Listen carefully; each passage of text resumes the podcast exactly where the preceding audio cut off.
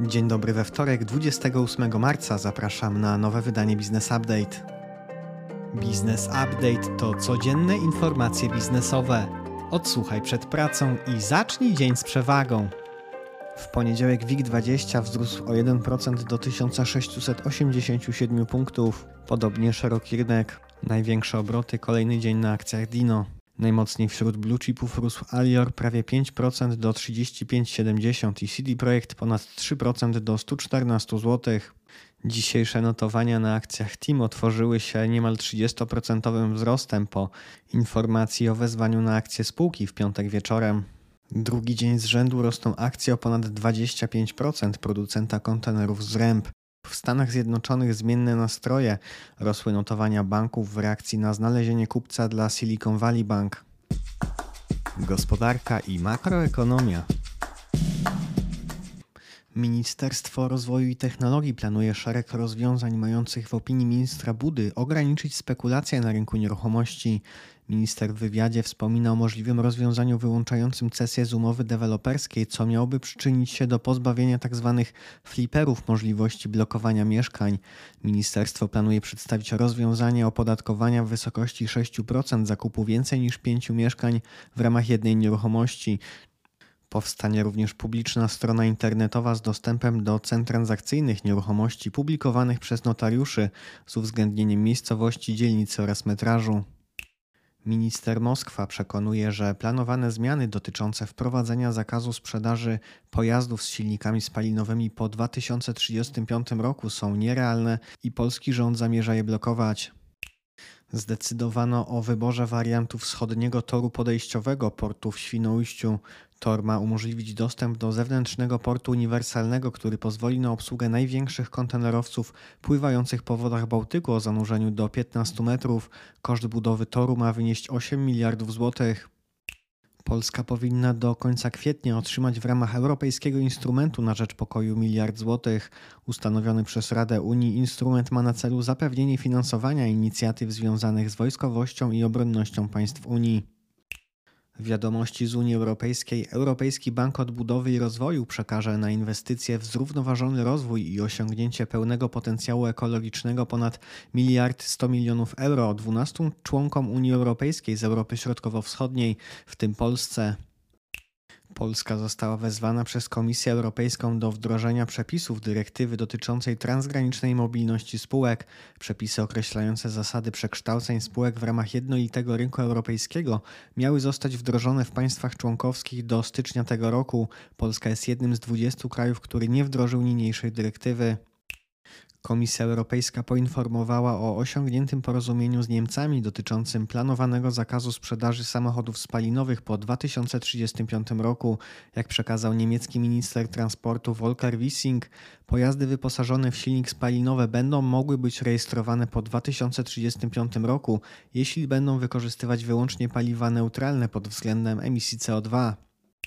Wiadomości ze świata, jak donosi Reuters, kierownictwo banków takich jak JP Morgan, Citi i Bank of America poinstruowało swoich pracowników, aby nie wykorzystywali niepewnej sytuacji osłabionych banków. Zalecano pracownikom, aby powstrzymywali się przed przejmowaniem klientów od banków znajdujących się w trudnej kondycji, nie spekulowali na temat innych podmiotów sektora, nie pogarszając tym samym ciężkiej sytuacji na rynku. Niestabilność sektora bankowego budzi niepokój europejskich i amerykańskich władz, które obawiają się kryzysu rynku kredytowego. Przedstawiciele Fed i EBC wyrażają obawy o możliwe zaostrzenie warunków udzielania kredytów i wpływ problemów banków na globalną gospodarkę, podaje Reuters. Kanada i Stany Zjednoczone powołały grupę zadaniową, której prace będą skupiały się na przyspieszeniu procesu transformacji energetycznej obu krajów. Obejmą rozbudowę infrastruktury dla pojazdów elektrycznych, promowanie energii atomowej, rozwój infrastruktury produkcji stali i aluminium bezpiecznej dla środowiska. Kanada zamierza wprowadzić ulgi podatkowe dla podmiotów czystych technologii. Informacje biznesowe.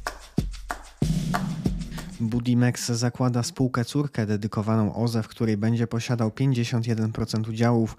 Nowo powstający podmiot ze środków uzyskanych z podstawowej działalności przedsiębiorstwa ma na celu dywersyfikację firmy.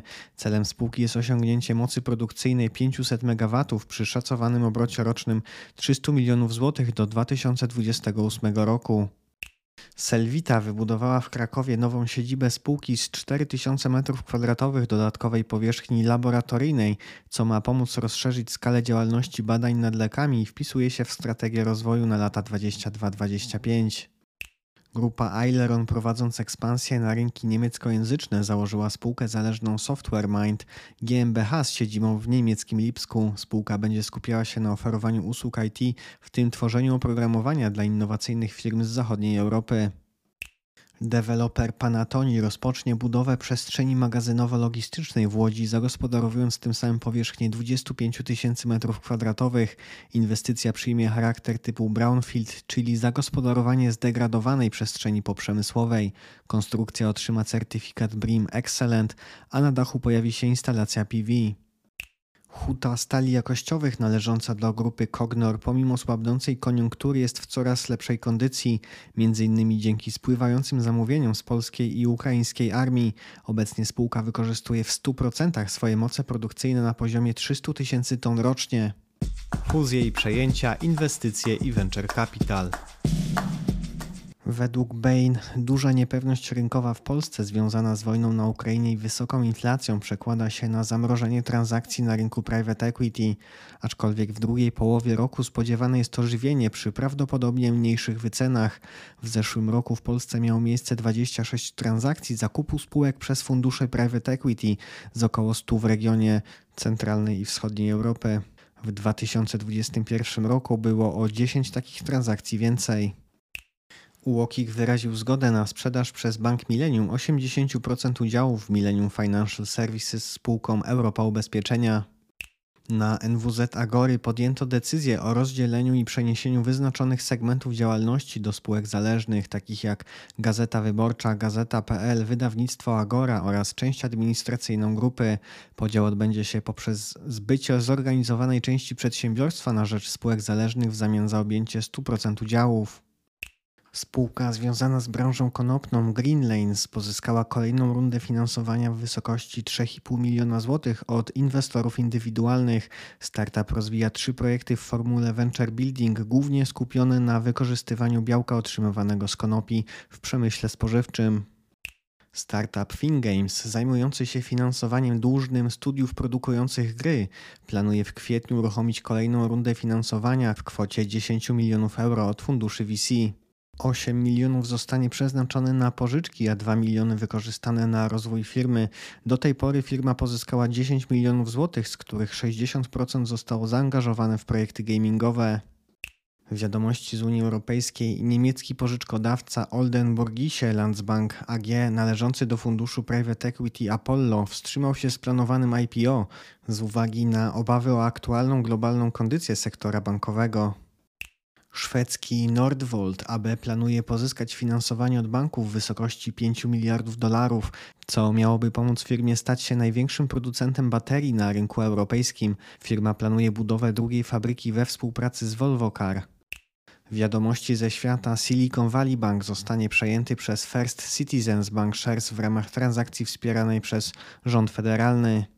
Transakcja objęła zakup około 72 miliardów dolarów pożyczek z dyskontem 16,5 miliarda dolarów oraz przeniesienie wszystkich depozytów banku o wartości 56 miliardów dolarów, około 90 miliardów dolarów w papierach wartościowych i innych aktywach Silicon Valley Bank nie zostało uwzględnionych w sprzedaży i pozostaje pod kontrolą Federalnej Korporacji Ubezpieczeń Depozytów.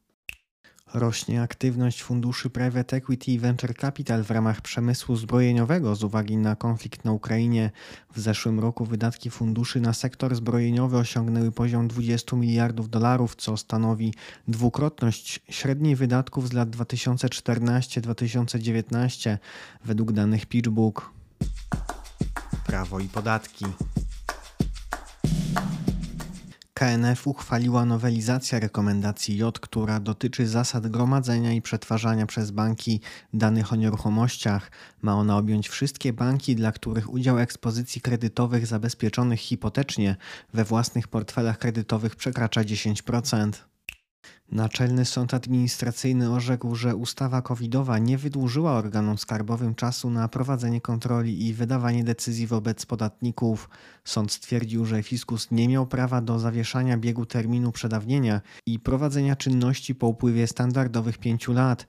Oznacza to, że firmy, które po tym czasie otrzymały od fiskusa np. decyzje domiarowe, będą mogły ubiegać się o zwrot pieniędzy.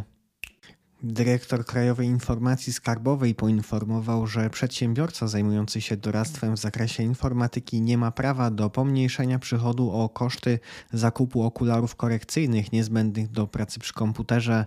W interpretacji podkreślono, że wydatki na zakup okularów mają na celu ochronę zdrowia przedsiębiorcy, a przez to charakter osobisty. Dyrektor KIS poinformował także, że wydatki poniesione na utrzymanie psa, który pilnuje nieruchomości, gdzie przedsiębiorca zarówno mieszka, jak i prowadzi działalność, mogą zostać uznane za podatkowy koszt jedynie w części. Fiskus wyjaśnił, że odliczone mogą zostać koszty tylko w tym zakresie, w jakim powiązane były z funkcjami stróżącymi psa. W pozostałej części ciężko powiązać je z całokształtem funkcjonowania firmy informatycznej. Wiadomości ze świata. W poniedziałek w londyńskim sądzie rozpoczęło się postępowanie w sprawie, którą wytoczyli m.in. książę Harry, Elton John oraz Elizabeth Harley przeciwko Associated Newspapers Limited, wydawcy dziennika Daily Mail. Wydawnictwu zarzucane są m.in. wynajmowanie prywatnych detektywów, umieszczanie urządzeń podsłuchowych w samochodach i domach, a także uzyskiwanie dostępu do kont bankowych oraz nagrywanie prywatnych rozmów telefonicznych. ANL określiło oskarżenia jako niedorzeczne pomówienia, wskazując, że nie są one poparte żadnymi dowodami.